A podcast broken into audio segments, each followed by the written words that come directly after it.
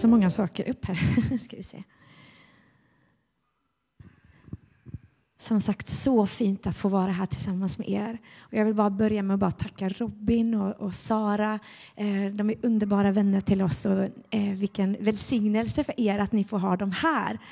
Det är fantastiskt vad de bär med sina liv och på sättet som de också bereder mark för Herren och bara öppnar upp liksom för, för Guds närvaro.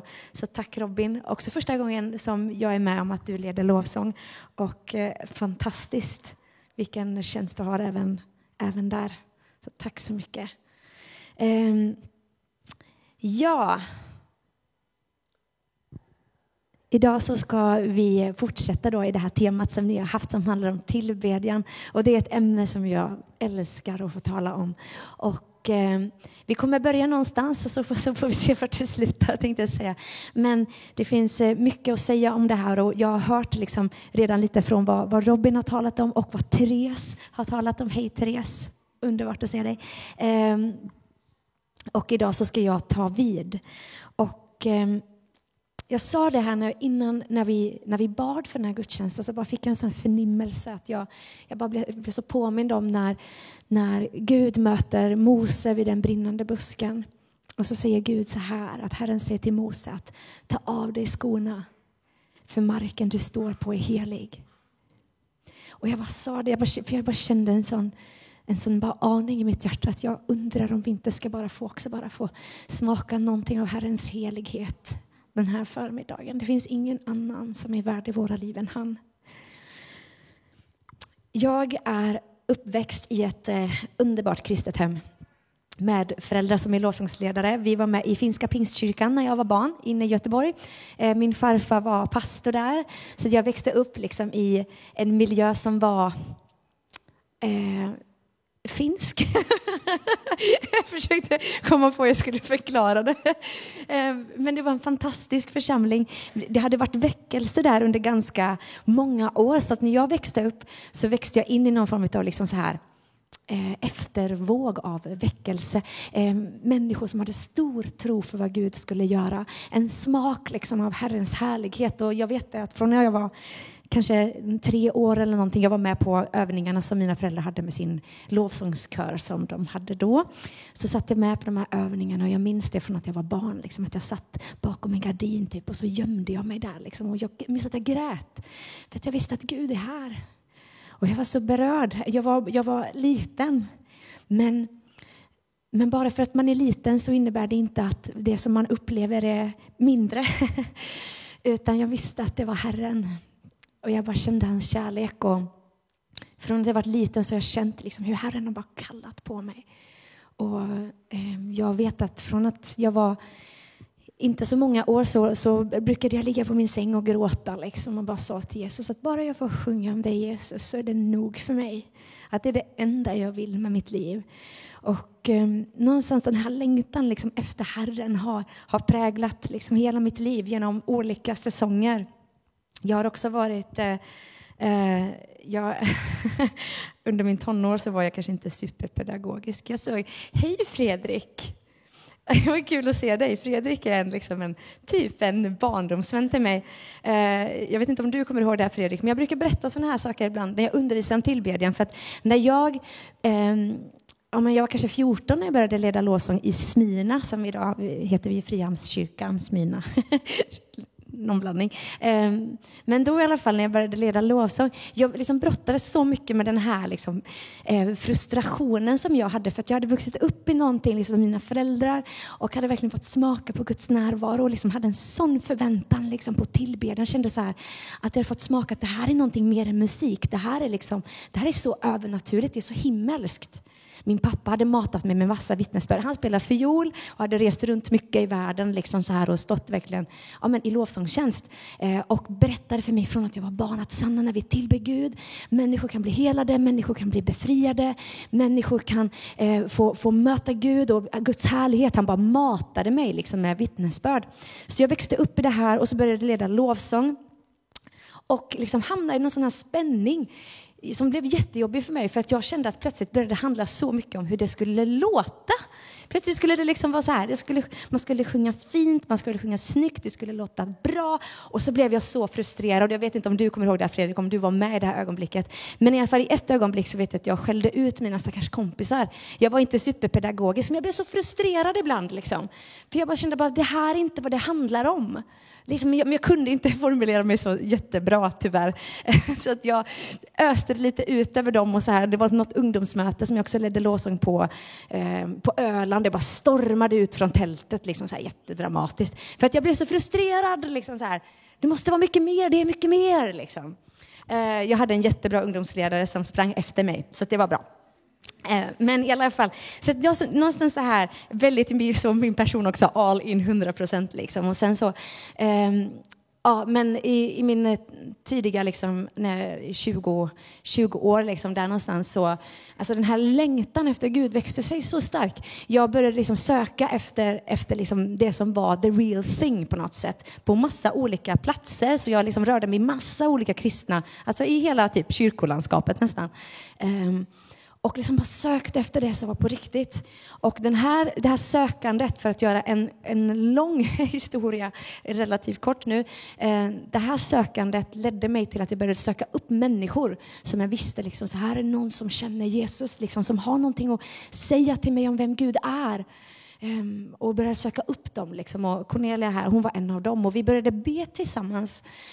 Um, i, ja, vi, hade, vi planerade att göra det under lång tid, men vi började inte förrän 2015. Men när vi började be till Gud, för vi, vi var båda liksom på samma plats av en sån längtan efter att det måste vara mer. Och då gäller det inte liksom bara liksom i tillbedjan och lovsång, utan det måste vara mer. Så här, vart är härligheten som jag har hört om? Vart är härligheten jag har läst om? Vart är vittnesbörden jag har hört om? Vart är miraklerna? Liksom, vart är det?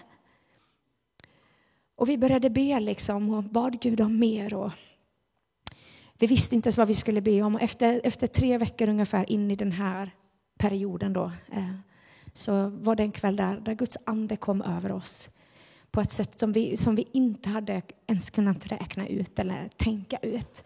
Eh, utan Guds ande kom över våra liv och, och lämnade aldrig. Utan han kom för att det var som att Gud kom liksom och bara vann våra hjärtan med sin kärlek. Och jag menar, jag var, jag var verkligen härligt frälst innan dess. Men i det där mötet med Gud, med, med hans kärlek, och det här var en, en period som pågick i ungefär fem månader. Det var som att, att få leva liksom mitt i Guds härlighet. Det där liksom märkte varenda cell, liksom, en sån längtan efter honom och jag bara gav upp mitt liv. Och det här någonstans, alltså på det sättet som Gud längtar efter dig och han längtar efter oss. Alltså Guds längtan efter att bo ibland sitt folk har varit liksom i Herrens hjärta från första början. Gud skapade människan för gemenskap. Det är verkligen så. Jag skulle vilja någonstans bara börja i det här eh, för att jag vill se någonting vad som hände med mig i mötet med Guds kärlek och med honom.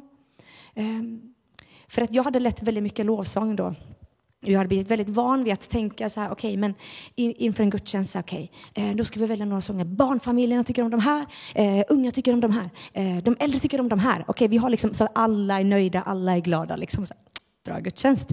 Jag blev så van att tänka liksom på ett sätt som var bara pastoralt. Och förstå mig rätt, pastoralt är jättebra. Vi, vi ska tänka på sådana saker. Men där jag liksom någonstans i det här mötet med Herren själv insåg att men vänta, det är inte inför människor jag gör tjänst. Utan det är inför Gud jag gör tjänst. Jag kommer inte för att lovsjunga, alltså jag trodde ju inte att jag lovsjöng människor, förstår.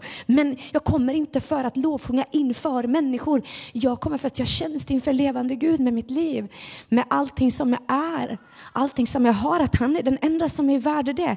Och det här perspektivet när jag bara insåg att det jag gör, det är att jag faktiskt responderar till den guden som har älskat mig först. Att liksom det, inte, det har aldrig börjat med mig. Det har aldrig börjat med dig. Det har alltid börjat med honom. Och vår tillbedjan får bara vara, liksom, som, jag, som jag sa, liksom, att bara nästan typ få ge upp sitt liv. Eller inte ens typ, att ge upp sitt liv. Att bara få ge honom allting som han är värd. För han är värd varendaste cell av våra liv. Han är värd varenda sekund av våra liv. Och inte som en press, liksom, utan bara för att alltså, han är den han är och det finns ingen bättre. Det finns ingenting bättre än att få ge honom allt. Och det där liksom blev ett sånt där mindshift för mig.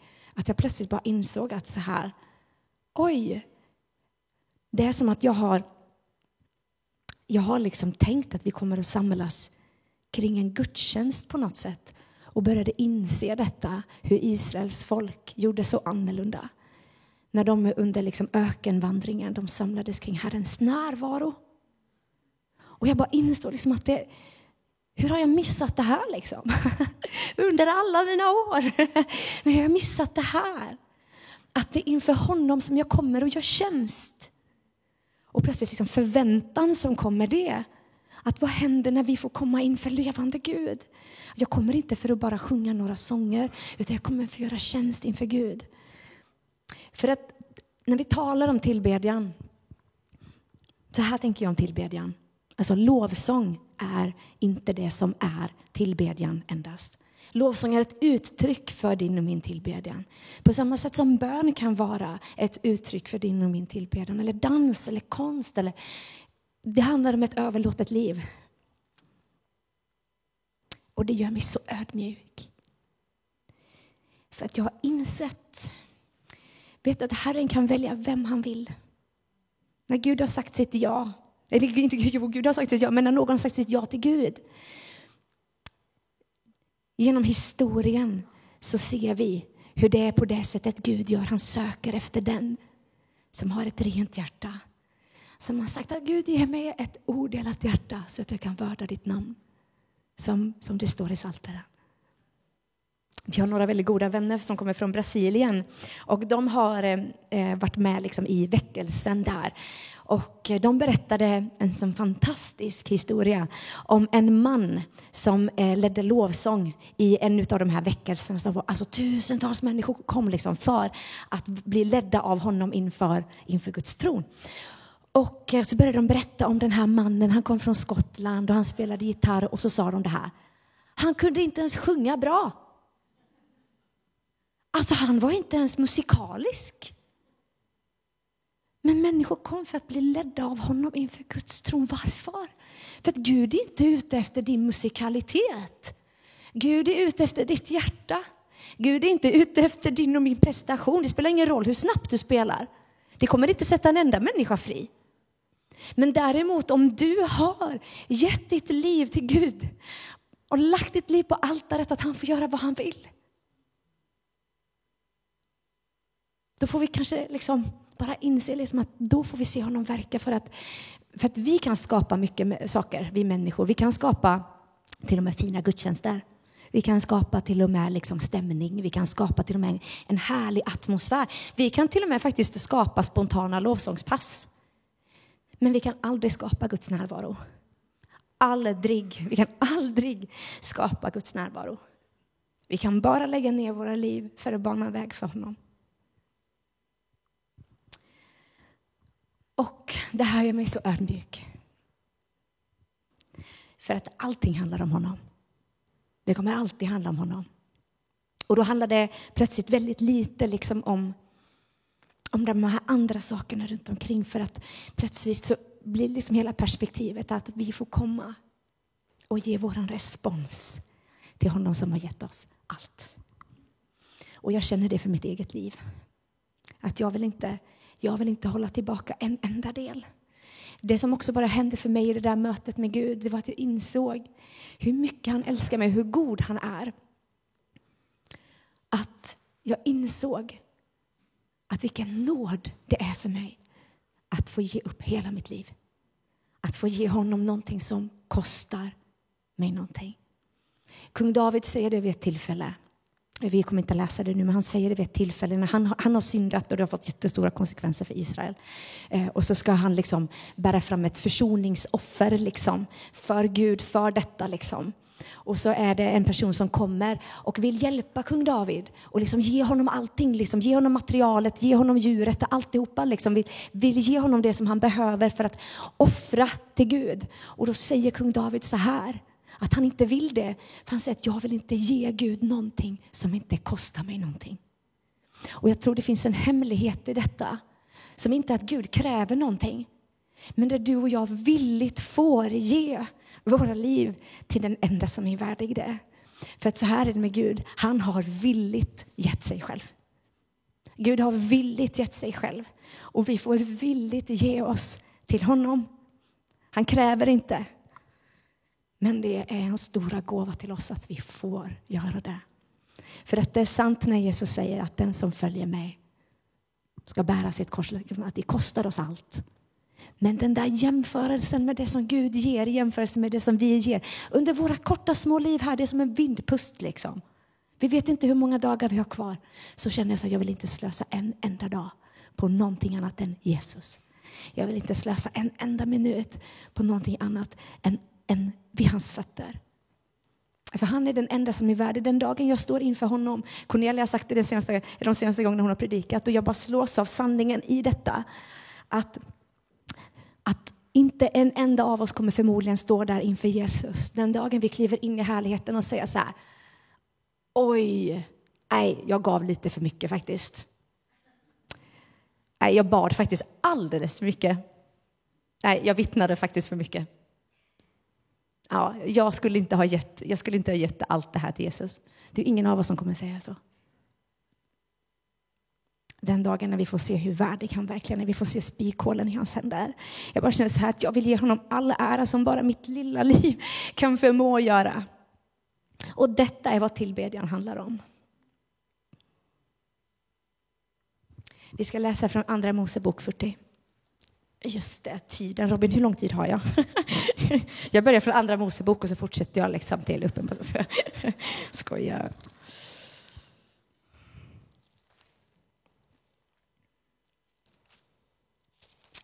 Andra Mosebok 40, 34.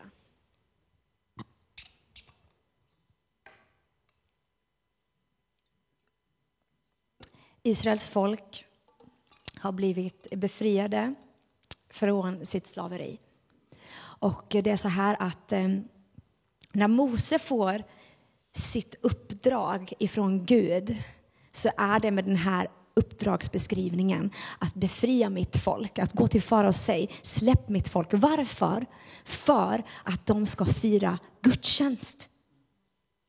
Det är liksom själva målet för deras befrielse. Att de ska fira gudstjänst. För att Gud längtar efter gemenskap med sitt folk.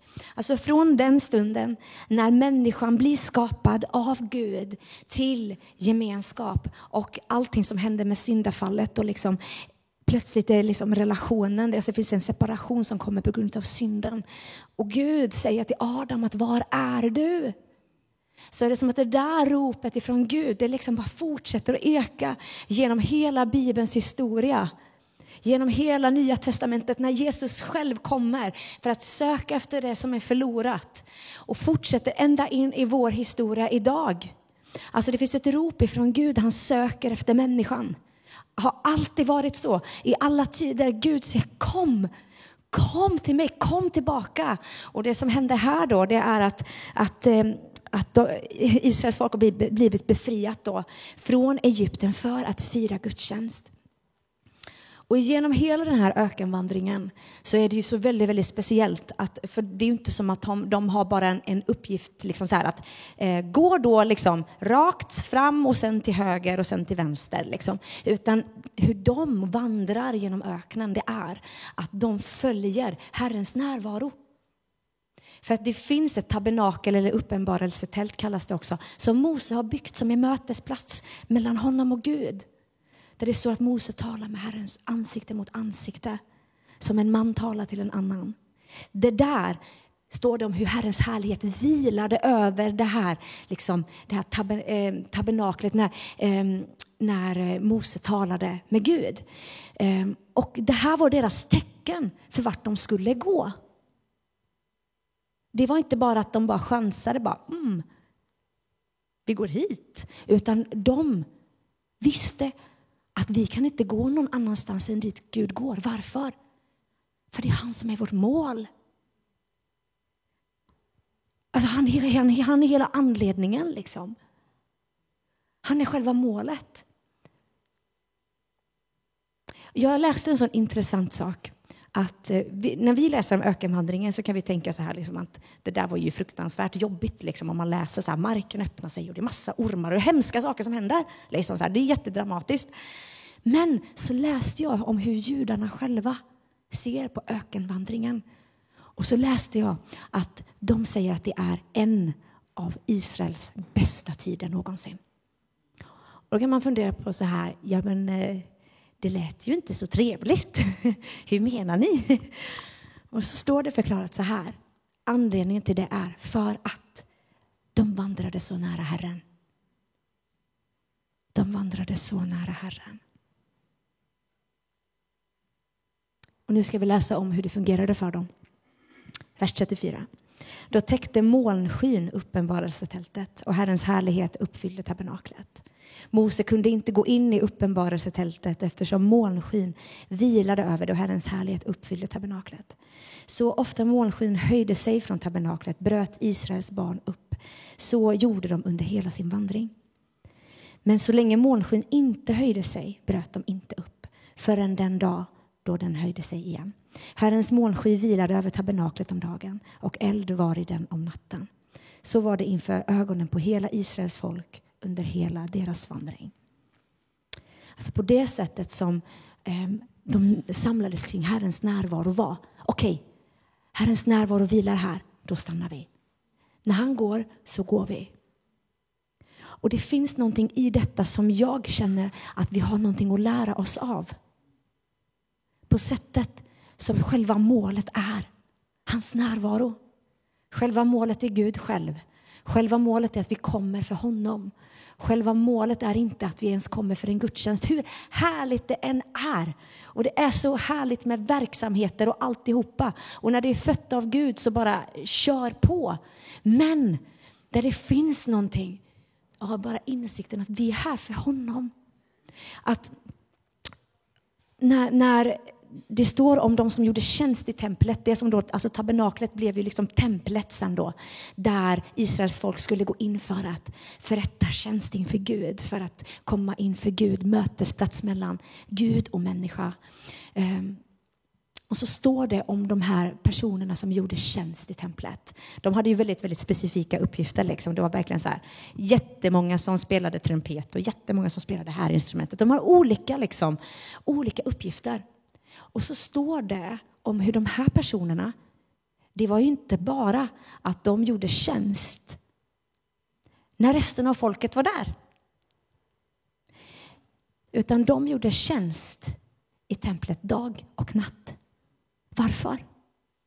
För att de gjorde tjänst inför Herren. Det är lätt för oss ibland att tänka att, att vi gör vår tjänst precis just nu, den här tiden i veckan. Liksom. Medan det finns någonting där jag tänker att det som pågick i templet där visar oss vad Herren bjuder oss in till nu. Av att få göra tjänst inför honom med våra liv här och nu.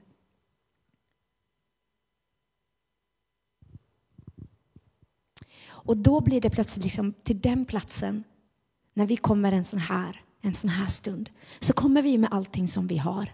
Ibland är det med smärta, Ibland är det med så mycket glädje. Men Herren är alltid densamma. Det är kul att citera dig igen, Cornelia. Jag citerar dig ibland, det är så härligt. Men du sa så här en gång, Cornelia. Att jag har inte varit med om en enda gång att jag kommit inför Gud med någonting som jag kommer med och bara så Åh, det här är liksom, det här är tufft, det här är smärtsamt eller en situation jag inte förstår. Och Gud har sagt, ah, nej men du har rätt, jag ändrar mig. Utan varenda gång så är det Herren är densamma. Och det är jag som blir förändrad. Det är mitt perspektiv som blir förändrat. Han blir liksom inte annorlunda. Han är inte plötsligt liksom att han blir rubbad av min smärta eller mina frågor eller vad jag kommer med. Ibland har vi inte svar. Och vissa svar kommer vi kanske aldrig få. Förrän den dagen som vi möter Herren liksom i himlen. Men ibland så tror jag också att det är inte svaren vi kanske ens behöver mest. utan vi behöver honom. Och att då få komma inför Gud med våra liv, som det står i Romarbrevet 12. Att vi får liksom ge våra liv som, som levande andliga, eller levande offer, liksom vår andliga gudstjänst. Att vi får frambära oss själva inför Gud med allting som vi är. Vi behöver inte hålla någonting tillbaka. Gud har aldrig varit ute efter fejk. Han har inte varit ute efter att du och jag ska hålla uppe någonting. Utan vi får komma inför honom och vi får se på vem han är och låta oss själva bli förvandlade av vem han är.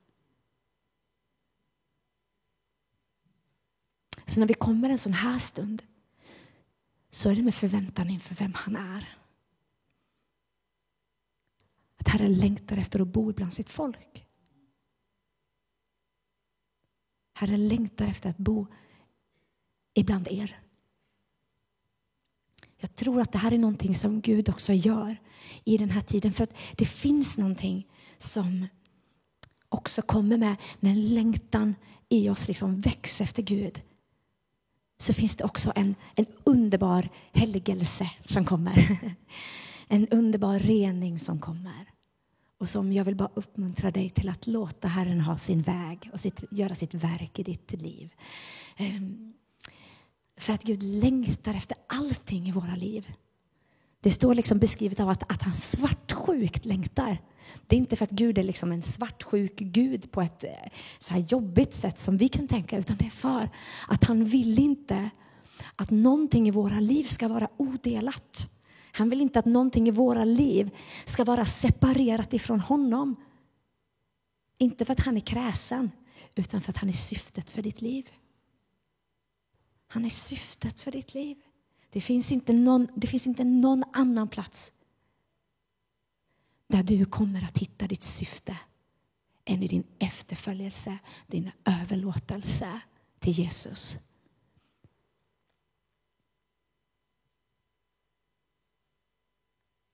Gud är en så god far. Och han älskar dig så mycket. Ibland så kan det också vara så att vi går igenom saker i våra liv. Ehm, jag ska, förlåt, jag ska bara ta upp mina anteckningar här. Ska vi se om jag har följt någonting ens av vad jag skulle säga. Jo, det har jag lite. Ehm. Men det står så här också i, i, i Saltaren att, att salig är den som flyr till honom. När vi går igenom saker i våra liv så har vi en tendens ibland liksom, att vi vill göra som Adam och Eva liksom gjorde. Vi vill gömma oss. Liksom. Det känns så här, bättre att jag håller lite distans till Gud. Medan Saltaren talar om hur saligt det är att fly till Herren att fly till honom på nödens dag. Ropa till mig på nödens dag. Liksom. Att det finns, det finns en rörelse, en respons som vi får göra till Gud för att han är den som vi ska fly till. Och eh, jag tänker att ibland när vi går igenom smärta så har vi en tendens att vi istället liksom för att komma till Gud med vår smärta eller med våran sorg eller med våran kamp så liksom börjar vi kanske försöka lösa det där själva. Och vi börjar liksom så här, kanske inte ens är medvetna om att vi börjar liksom nästan stänga vårt hjärta. Ehm, Jag var med om en sån eh, situation. Ehm, jag har berättat om det här innan. Jag och Robin pratade lite om det här, bara inför den här gudstjänsten också. Jag... Ehm, alltså, far, nu måste det vara snart eh, är det snart fem år sedan? Hjälp. Ja, jag tror det. Så var jag eh, i en situation där jag plötsligt ehm, trodde att jag var allvarligt sjuk. Och det här var också en, en tid då jag eh, redan jag undervisade en del om lovsång och jag älskade att tala om vad det är att liksom få profetera liksom Guds sanning i stormen. För det finns någonting som händer när vi får sjunga ut och tala ut vem Gud är, liksom sanningar om vem han är. Liksom. Ehm, men så hamnade jag då i en situation där jag plötsligt trodde att jag var allvarligt sjuk. Ehm, och och jag hade två veckor kvar innan jag skulle på ett återbesök. Eh, och det här var en situation som jag, det var så, jag har inte varit sjuk många gånger i mitt liv. Jag har typ ja, men stukat mitt ben en gång och då fick Thomas Sjödin rädda mig. Han tog mig på ryggen så här och åkte skidor med mig. Ja, men i alla fall, det var typ min enda sån här det här har jag blivit skadad av. Liksom. Eller skadad av, det var min enda skada. Um, ungefär. Uh, och så var jag plötsligt i en situation då där jag trodde att jag var allvarligt sjuk. Och den typen av rädsla och liksom, eh, de tankarna som hinner komma ett sånt ögonblick av eh, kommer jag dö nu? Är det här liksom, vad kommer jag behöva gå igenom för behandling? Eh, vad kommer det här innebära för mitt liv? Eh, det var så mycket olika känslor i det här ögonblicket. Och jag, liksom, jag kände så att jag höll på att bli helt paralyserad av det jag kände. Eh, jag stod i min hall och jag, var, jag visste inte vad jag skulle göra. För jag kände så här, ska jag vänta två veckor? Om du har varit i en sån här situation någon gång så vet du precis ju den här känslan. Eh, men ska jag vänta två veckor på att få ett besked? Liksom, eller att gå tillbaka? Liksom? Och, och jag bara kände att jag vet, jag kände bara, jag vet inte hur jag ska, liksom, hur ska jag ens klara vänta två veckor? Liksom? Ehm, och kände liksom att den helige Ande började tala med mig. Och som jag sa, jag hade undervisat mycket om att profetera i stormen. Så här. Sjung ut att Gud är god, liksom, så här, för att det är den han är. Liksom. Det, åh, så här. Och så bara började jag på något sätt minnas liksom, min egen undervisning där jag stod i hallen och kände så här att jag är helt paralyserad liksom, av rädsla. Um, och så kände jag så här att okej, okay, då har jag, jag har ett val här nu. Att antingen så bara fortsätter jag att få någon form av liksom nästan panik och bli paralyserad av den här rädslan. Eller så börjar jag göra det som jag själv säger till andra människor att göra. Att börja sjunga ut sanningar om vem Gud är. Ehm, jag kan ju inte säga att det var inte som att jag kände för det. Men det var som att jag visste att det här är min livlina. Liksom. Så jag gick och satte mig vid pianot. Och så bara bestämde jag mig. Att nu kommer jag göra det som jag vet att jag själv undervisar. Så jag började sjunga. Bara sjöng ut det som jag bara kände. liksom. Jag sjöng ut liksom att jag är stilla. Att, att du är min frid, du tar min strid, jag är inte rädd. Du är god, bara god mot mig. Och det här blev en sång som eh, jag också sjöng under den här perioden som heter Jag är stilla. Och, eh, som någonstans blev mitt sätt att få uttrycka till Gud att jag har sett att du är god mot mig och jag vet att du gör det igen. Eh, och sen så var det så här och som jag faktiskt fortfarande idag inte riktigt vet vad det berodde på. Om det var eh, den receptfria medicinen som jag fick eller om det var ett Herrens mirakel. Men när jag kom på återbesök så blev jag undersökt av två läkare och allting var liksom bara borta. Ehm, och det är verkligen, alltså verkligen tack Jesus.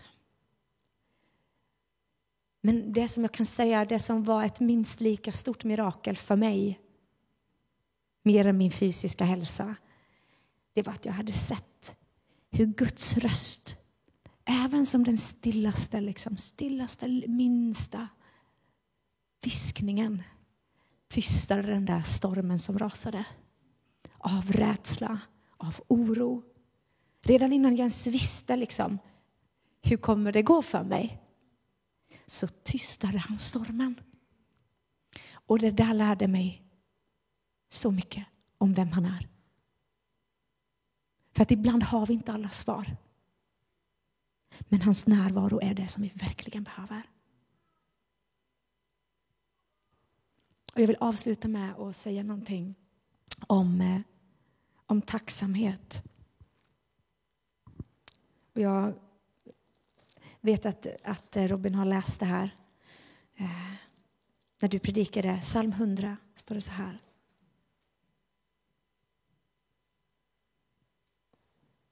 Tjäna Herren med glädje.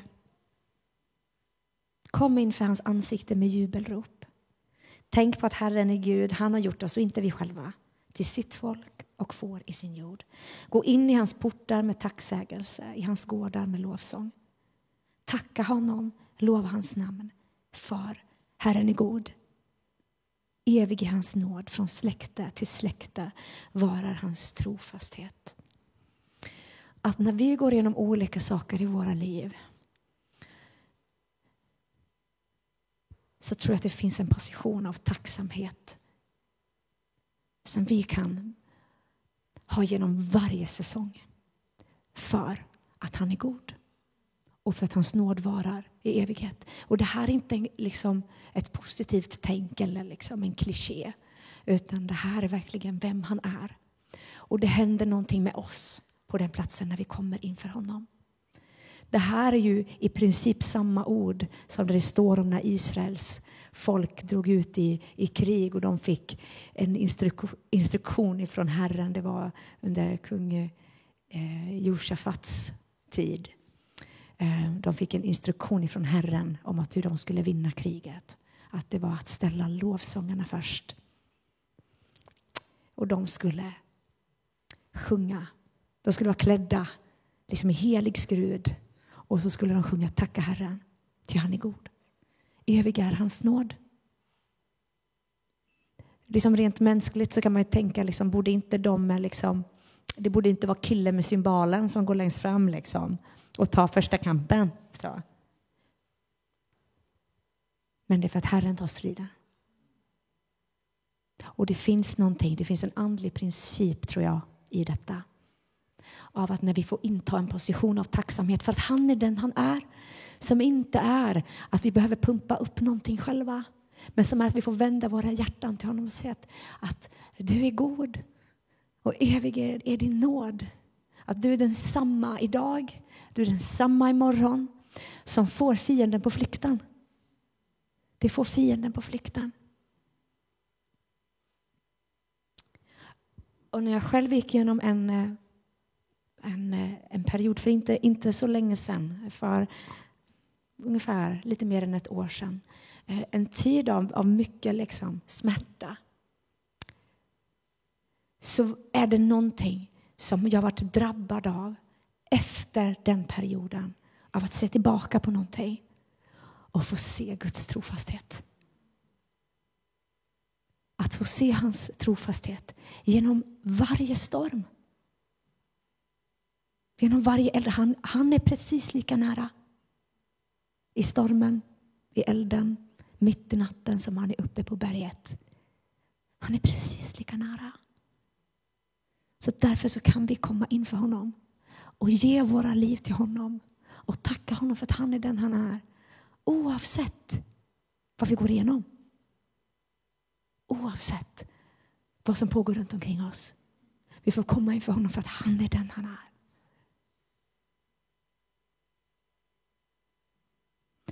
Och jag vill bara ge en inbjudan. Jag ska avsluta nu. Jag ska avsluta med att sjunga en sång här. Um. Men jag bara kände det inför den här stunden. Att kanske är det så att du är i det här rummet. Och du kanske har gått igenom smärta eller går igenom smärta.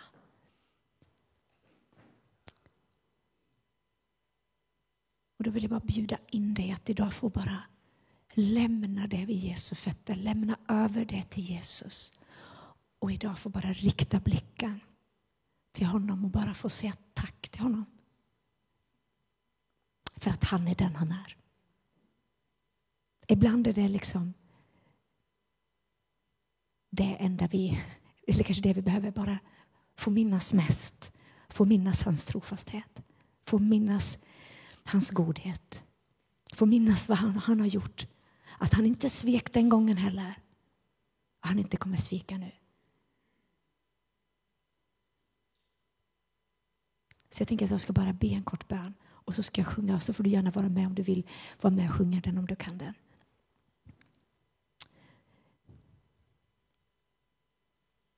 Jesus.